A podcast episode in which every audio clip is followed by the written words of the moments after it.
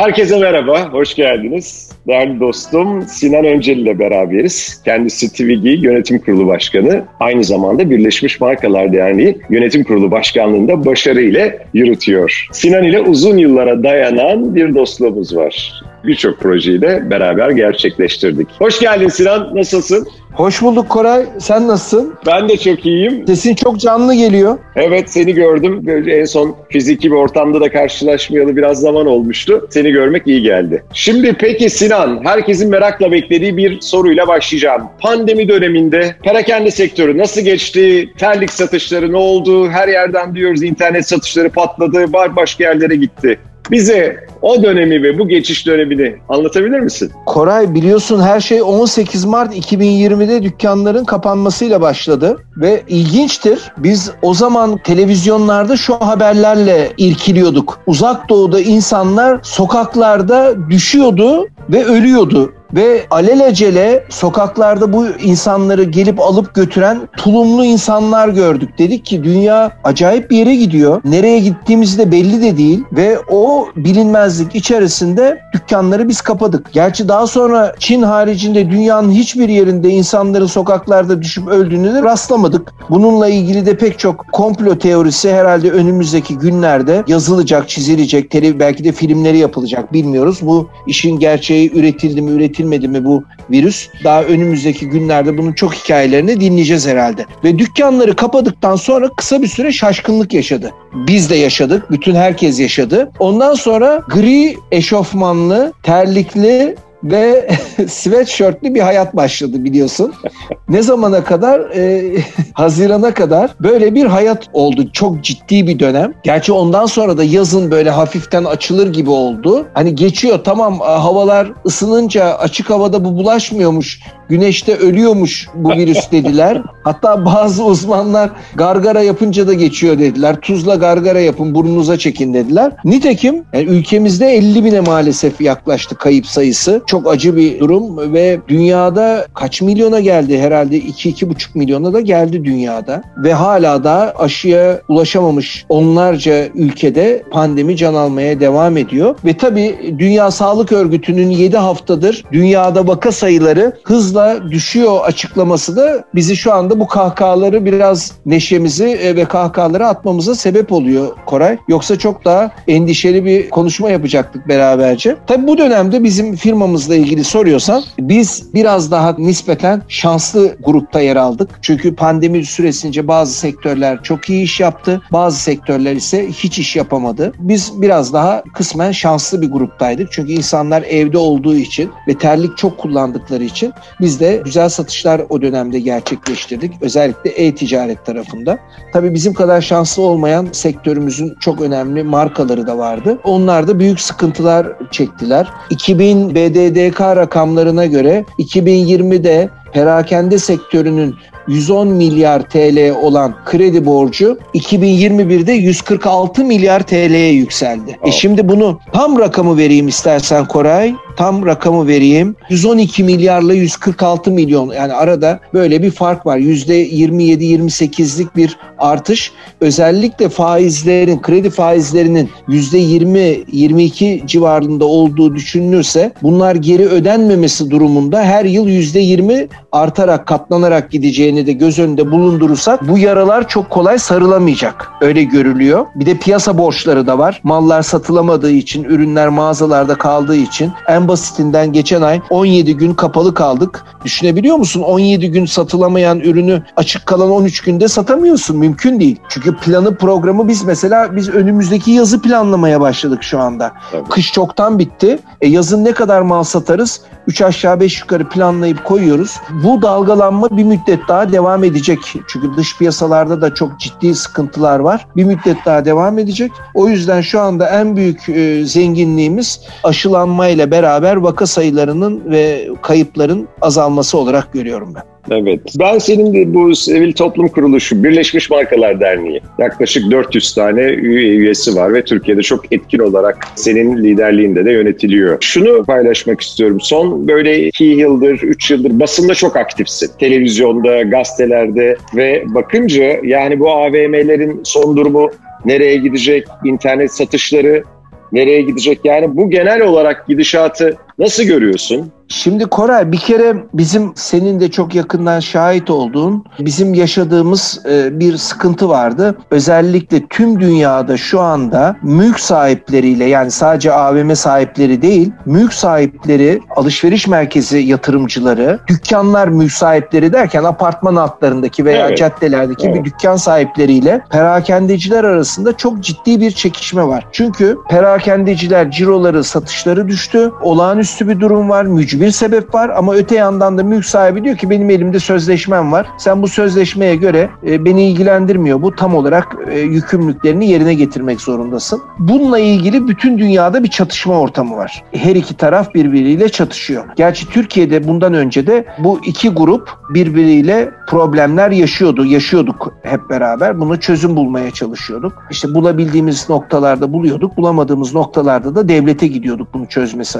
adına. Şimdi geldiğimiz nokta noktada ise cadde mağazaları geleneksel konvansiyonel dediğimiz geleneksel alışveriş noktaları olarak cadde mağazaları daha şu anda önde. AVM'ler bir parça daha geride. Ha bu şu demek değil ki AVM'ler güvenli değil. Hayır bence aksine çok güvenli yerler. Çünkü içeri HES koduyla giriliyor. Her yer hijyen, tuvaletler hijyenik kurallara uyuluyor. Ayrıca AVM'de denetim yapılıyor temizlik ve havalandırma konusunda. O bakımdan fakat yine insanımız açık havayı tercih ediyor. Tüm dünyada bu böyle yalnız sadece Türkiye'de değil tüm dünyada. Daha dün BMD Online'ın haber dünya haberlerinden birinde bir AVM yatırımcısı şirket bankadan yanılmıyorsam düzeltiyorum konkordato ilan etmişti ya da iflas istemişti. Çünkü insan insanlar bu günlerde kapalı yerlere mümkün olduğunca girmek istemiyorlar kendilerini güvende hissetmiyorlar. Ancak şunu söyleyebilirim. Türkiye'deki AVM olgusuyla Amerika'daki AVM olgusunun arasında önemli farklar var. Türkiye'deki AVM olgusu pek çok şehrin göbeğinde insanların sosyalleştiği, sosyal alan olarak kullandığı, restoranlarını, sinemalarını, tiyatrolarını kullandığı ve de alışveriş yaptığı alanlar. O bakımdan pandemi sonrasında da iyi yönetilen AVM'lerde hiçbir sıkıntı ben olacağını tahmin etmiyorum. Ama e-ticaretin müthiş bir kalıcılığı da olacağı kesin. Şu anda onu görüyoruz. Bizim de üyelerimizden mesela Getir 2,5-3 senede 7,5 milyar dolar değerlemeye ulaştı şirket değeri olarak. E bu da insanların artık uygulamalarla internetten sipariş vermeyi artık alıştığı ve hayatını da soktuğu gerçeğini ortaya koyuyor. Ve bu açılmalarla da cirolarında da bu uygulamaların çok büyük düşüşler olmuyor. Kısmi düşüşler oluyor ve e-ticaretten alışverişe de insanlar devam ediyorlar. O bakımdan geleneksel pazarlar devam edecek gibi görünüyor Koray. Bunu sadece ben söylemiyorum. Dünyadaki pek çok uzman bunu dile getiriyor. O bakımdan belki kaldığımız yerden devam etmeyeceğiz. Çok daha yeni gelişmeler olacak. Çok çok farklı noktaya evrilecek perakende alışveriş. Ama önümüzde bu aşılamadan sonra o hani klasik söylenen intikam alışverişleri var ya insanların ötelemiş oldukları alışverişlerini yapacakları günler e, hızla yaklaşıyor. Çünkü bu 17'sinden sonraki açılışta bütün perakendede yüzler güldü. Bu son bir ay satışlar çok iyiydi pazar kapalı olmasına rağmen. Çok iyi bir satış dönemi geçiyor. Ben şikayet eden hiç kimseye rastlamadım. Ama tabii ki bunun kalıcı olması lazım. Yaz sezonu boyunca inşallah turistlerin de gelmesiyle güzel satışlar bekliyoruz. Çok güzel. Yani bu şey tabii çok sevindirici. İnsanların tekrar hem kendilerini daha iyi hissetmeleri için alışverişe dönmeleri, hem bir şekilde o mağazaları tekrar doldurmaları, o dinamikler açısından hepimizi çok memnun edici bir gelişme. Peki Sinan, çevre konusu da iklim değişikliği olsun, diğer air pollution olsun. Yani bakınca burada çevre sorunu konusunda mesela nasıl bir gözlemin var? Buralarda hangi adımlar atıldı? Hangi adımlar atılacak? Nasıl görüşlerin? Şimdi Koray, markaların uzun zamandır zaten sürdürülebilir olması tüketiciler tarafından çevreci marka, çevreye duyarlı marka, hayvan haklarına duyarlı marka, çalışanların haklarına saygılı marka olarak markaların üzerine böyle bir bir misyon zaten uzun zamandır var. Çevre konusunda ise geldiğimiz noktada tabii şimdi biz maalesef insanoğlu problemler kendisine dokunmadan işin ciddiyetine varamıyor. İlk başta çok iyi hatırlıyorum. Çin'de bu virüs ortaya çıktığı zaman bir televizyon programında bir yorumcu arkadaşımız şöyle demişti. Şimdi Çin'e Avrupalı satın alımcılar gidemeyecek. Bu bizim için önemli bir fırsat demişti. Ben de dedim ki yani bu soruyu ben çok doğru bulmuyorum. Çünkü bu Adı pandemi. Pandemi ne demek? Küresel anlamdaki bir salgın ve küresel anlamdaki salgın er geç bize de gelecektir demek. Onu gösteriyor. Dünyada çok büyük bir tehdit. Şubat ayıydı bu program yapıldığı zaman. Şubat'ın sonuydu. Nitekim 15 gün sonra salgın bize de geldi. Avrupa'ya da geldi ve kasıp kavurdu. E şimdi çevre sorunları da böyle. İşte şimdi bizim Marmara Denizi diyoruz. Şimdi Ege geçen hafta Ege Denizi'ndeydim. İşte Akdeniz'deydim daha doğrusu. Akdeniz pırıl pırıl çok güzel harika. E biz diyoruz ki burada bir şey olmaz. Ama öte yandan Göcek koylarını gerçekten geçen sene çok ciddi anlamda işte Zodyak'la giderken suya yakından baktığımız zaman çok ciddi suyun yüzeyindeki o yağ yansımalarını ben de gördüm herkesin gördüğü gibi. E bu devam ederse yani bu tekneler buralara o pis sularını boşaltmaya devam ederlerse işte sezon başında oraya tekneyi demirleyip 5 ay boyunca orada kalmaya aynı yerde kalmaya devam ederlerse bir 3 sene sonra 4 sene sonra aynı Marmara'da gördüğümüz manzarayı maalesef Göcek'te de göreceğiz. Bodrum'da da göreceğiz. Marmaris'te de göreceğiz. Bütün o güzel koylarda görmeye başlayacağız. Göreceğiz nitekim. Okyanuslarda görüyoruz. Plastik şişe adalarını görüyoruz farkındaysan. Plastik şişe adası var ada. Evet, Artık ada oluşmuş. Evet. Evet, e, evet. E şimdi bu noktada bütün e, markaların özellikle pet şişe konusunda depozitolu sisteme geçmeleri kaçınılmaz değil şart hemen yarın başlanması gerekiyor. Biz hala pet şişeyi depozitosu alıp kaldırıp çöpe atıyoruz. Yani bu olacak şey değil. Gerçekten olacak şey değil. Hani bugün haberlerde gördüm işte Ronaldo Coca-Cola'yı basın toplantısında kenara koyunca şirketin değerinde 4 milyar dolarlık bir düşüş meydana geldi diye bugün önemli evet. haber sitelerinde çıktı bu. Evet, e şimdi evet. yani bu ben çocukluğumda çok iyi hatırlıyorum. Hep bütün meşrubatlar cam şişedeydi ve depozitoluydu. E şişeleri biz götürürdük bakkala iade ederdik. Yeniden dolusunu alırdık ve boş şişe satardık çocukken hatırlıyorum. Şişe toplardık. Eğer hani şişeyi kapıların önünde geri götürmeyen apartmanda birileri olursa bu şişeleri alabilir miyiz diye sorardık. Götürür bakkala satardık top alırdık falan. Yani şimdi böyle bir olgu ortada yok. Sürekli her şeyi atalım, tüketelim mümkün olduğunca daha çok tüketelim olgusu var. E değişecek. Dün belki görmüşsündür bizim İsmail Kutlu, Nevzat Aydın'la beraber Instagram'da bir şey paylaştılar. Evet, bir evet. yatırım yaptılar ikisi bir şirkete. Şirket elbise kiralama şirketi. Uygulama üzerinden elbise kiralama şirketi. Bir ay boyunca elbise kiralayabiliyorsun ve bir ay sonra da gelip senden alıyorlar elbiseyi. Hem getirip sana teslim ediyorlar hem de bir ay sonra da gelip senden alıyorlar ve fiyatları da çok çok makul. Çok yaratıcı e, tabii, bir yaklaşım evet.